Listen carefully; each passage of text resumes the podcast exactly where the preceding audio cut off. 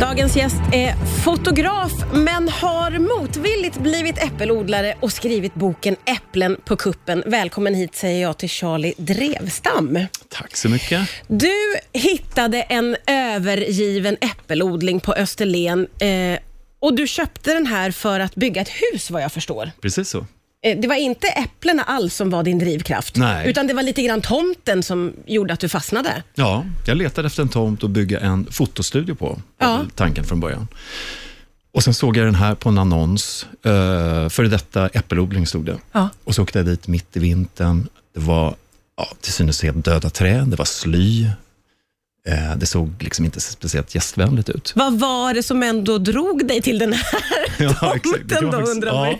ja, men Jag förstod ju att det var väldigt mycket äppelträd. Det är 93 stycken äppelträd på tomten. Ja, det är mycket. Så jag förstod ju att ja, men om de här nu är liv i och jag kan bygga ett hus precis mitt i den här äppelodlingen så kan det bli ganska fint. Ja.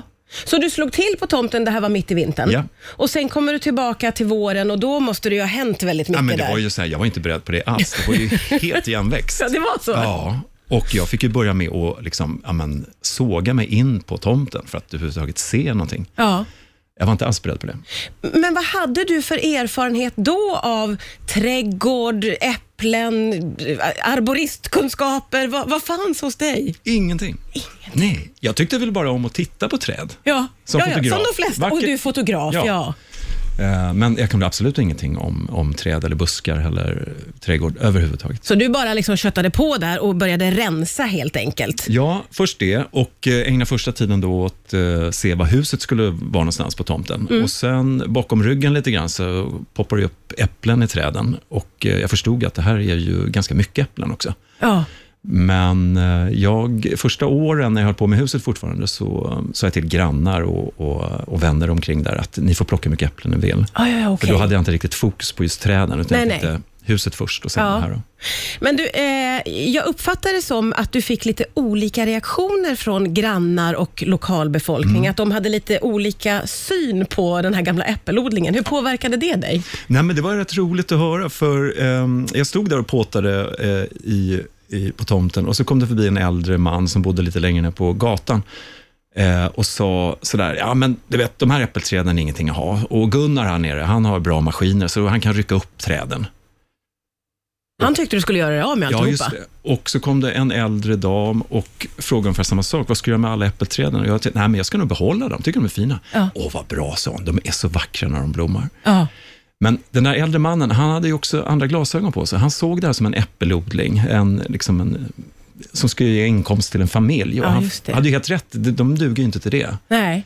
Så han hade de glasögonen på sig, såg äppelträd som någonting man får frukt ifrån och kan leva på. Ja. Men det skulle inte jag göra. Roligt med olika synsätt sådär och att du liksom tar in det. Vad var det som gjorde att du ville ta hand om den här? För det är som du säger, det är en ganska stor, det är många äppelträd. Mm. Va, vad var det som gjorde att du tänkte, men jag tar mig an det här ändå? Ja, det var väl lite, ja, det är nästan inget val. Äpplena kom ju på trädet. Ja. Ehm, och som sagt, jag bad ju grannar och vänner plocka äpplen i början där. Och, men sen blev man ju nyfiken på, vad kan man göra med de här? Så i början var det ju du vet, så här, torkade äppelskivor på trådar i fönster. Åh, vad mysigt, tänker jag, fast du har mycket. Ja, jag vet inte, jag vet inte vad det är min grej. Men, och lite äppelmos och sådär. Och sen, eh, nej, men sen började jag fundera på, men must då? Hur gör man det då? Ja. Eh, Och då, och då finns det ju faktiskt ganska bra startkit, eh, alltså manuella fruktpressar. ja, just det. Så jag köpte en sån, Ja. läste mig till hur man gör och frågade lite folk som höll på med det där. Eh, Och köpte flaskor och pasteuriserade den och tappade upp och hade till, eh, till familjen helt enkelt. ja. Men du lite grann testade dig fram även i det, att du liksom köpte grejer, Ja, kollade upp på nätet ja, och körde bara. ja. Du var, du var inte så rädd, känns det som. Nej, eh, drivs av nyfikenhet. Ja. Ja. Eh, eh, och och det var verkligen så att du hade liksom inge, inget intresse av någon slags odling sen innan, utan allt det här fick liksom uppkomma Ja. i stunden och utifrån att du var där du var på något sätt. ja, verkligen. Och Du fick också göra något slags litet detektivarbete för att få veta vad det var för äpplen du hade. Precis ja, så jag plockade ju de äpplena som jag tyckte såg olika ut. Ja. Och i september där nere i Kivik så är det en sån här äppelfestival. Ja, just det. Och då sitter det pomologer och tar emot folk som då Gud vad underbart, det sitter pomologer. Jag älskar allt. Ja. på rad. Ja. Så kommer man fram med sin plastpåse och säger, de här äpplena har jag på min tomt, vad är det för någonting? Ja. Eh, ja, så sitter de där och eh, pratar med varandra och till slut kommer de fram då, ja, det måste vara de här sorterna. Ja, så jag just hade det. fyra olika sorter. Ja, ja, ja, okej. Gud vad härligt. Eh, vad är det då som är, för nu har du ju haft din odling ett tag. Eh, Vad är det som är så roligt med äpplen? Vad är, det som är, vad är det som är grejen för dig? Men Jag tycker liksom, när man har plockat äpple från trädet och kan direkt sätta det i munnen och ta en tugga och det smakar ju sött, knaprigt, friskt. Det är så här, äh, att det kommer i sådana mängder är helt otroligt, för det är ju så fantastisk frukt.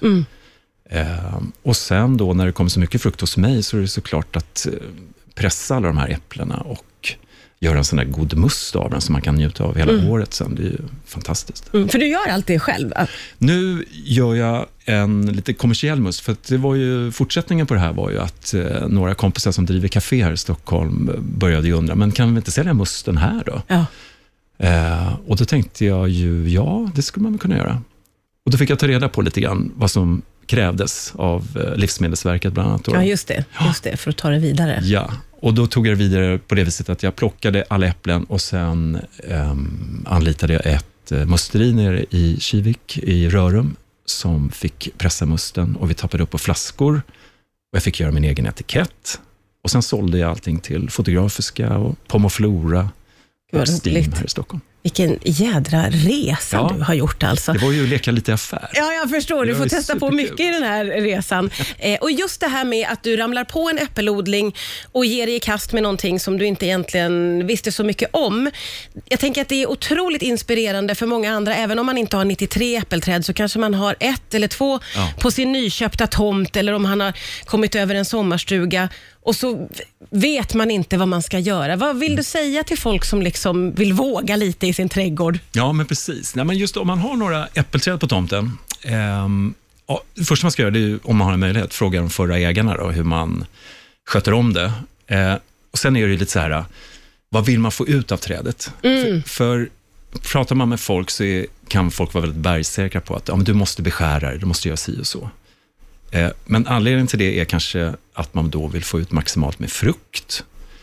Men det där trädet man har på tomten, det kanske också är en så här skulptural upplevelse Mm. Just det. i trädgården. Det, man kanske inte behöver göra så jäkla mycket då, än att ta bort döda grenar och så. Så det är kanske det första, så här, vad ska trädet vara? Ska vi få jättemycket frukt eller ska det vara ett vackert träd? Mm. Ehm, och sen om man har möjlighet skulle jag gärna, för det har jag gjort, eh, tagit in en, en eh, trädbeskärare som är specialist på fruktträd. Ja, just det. Man lär sig så himla mycket. Det är ganska svårt att eh, titta i de här beskärningsböckerna där det är tecknade bilder Ja. och förstå hur man ska göra med sitt Just det, det är träd. så platt, skrev du i boken. ja. det funkar inte alls. Det är svårt ju att veta runt i hur man ska verkligheten. göra i verkligheten. Ja. Och det ändrar form också när man går Ja. runt trädet. Men det är väl jättebra att, att ta in lite hjälp eller be om hjälp i Ja, början om man är lite möjlighet osäker. till det. då. det är väl investerade pengar, tycker Ja. jag. Att ta dit någon, för att eh, ja, men det har man nytta av hela tiden sen, för då kan man beskära det där trädet och, och sköta om det, Mm. eh, så länge man bor där. Jätteinspirerande bok. Den heter Äpplen, trädet, frukten, musten och så himla roligt att få prata med dig. Tusen tack Charlie Drevstam för att du jag kom fick hit komma idag. hit. Tack.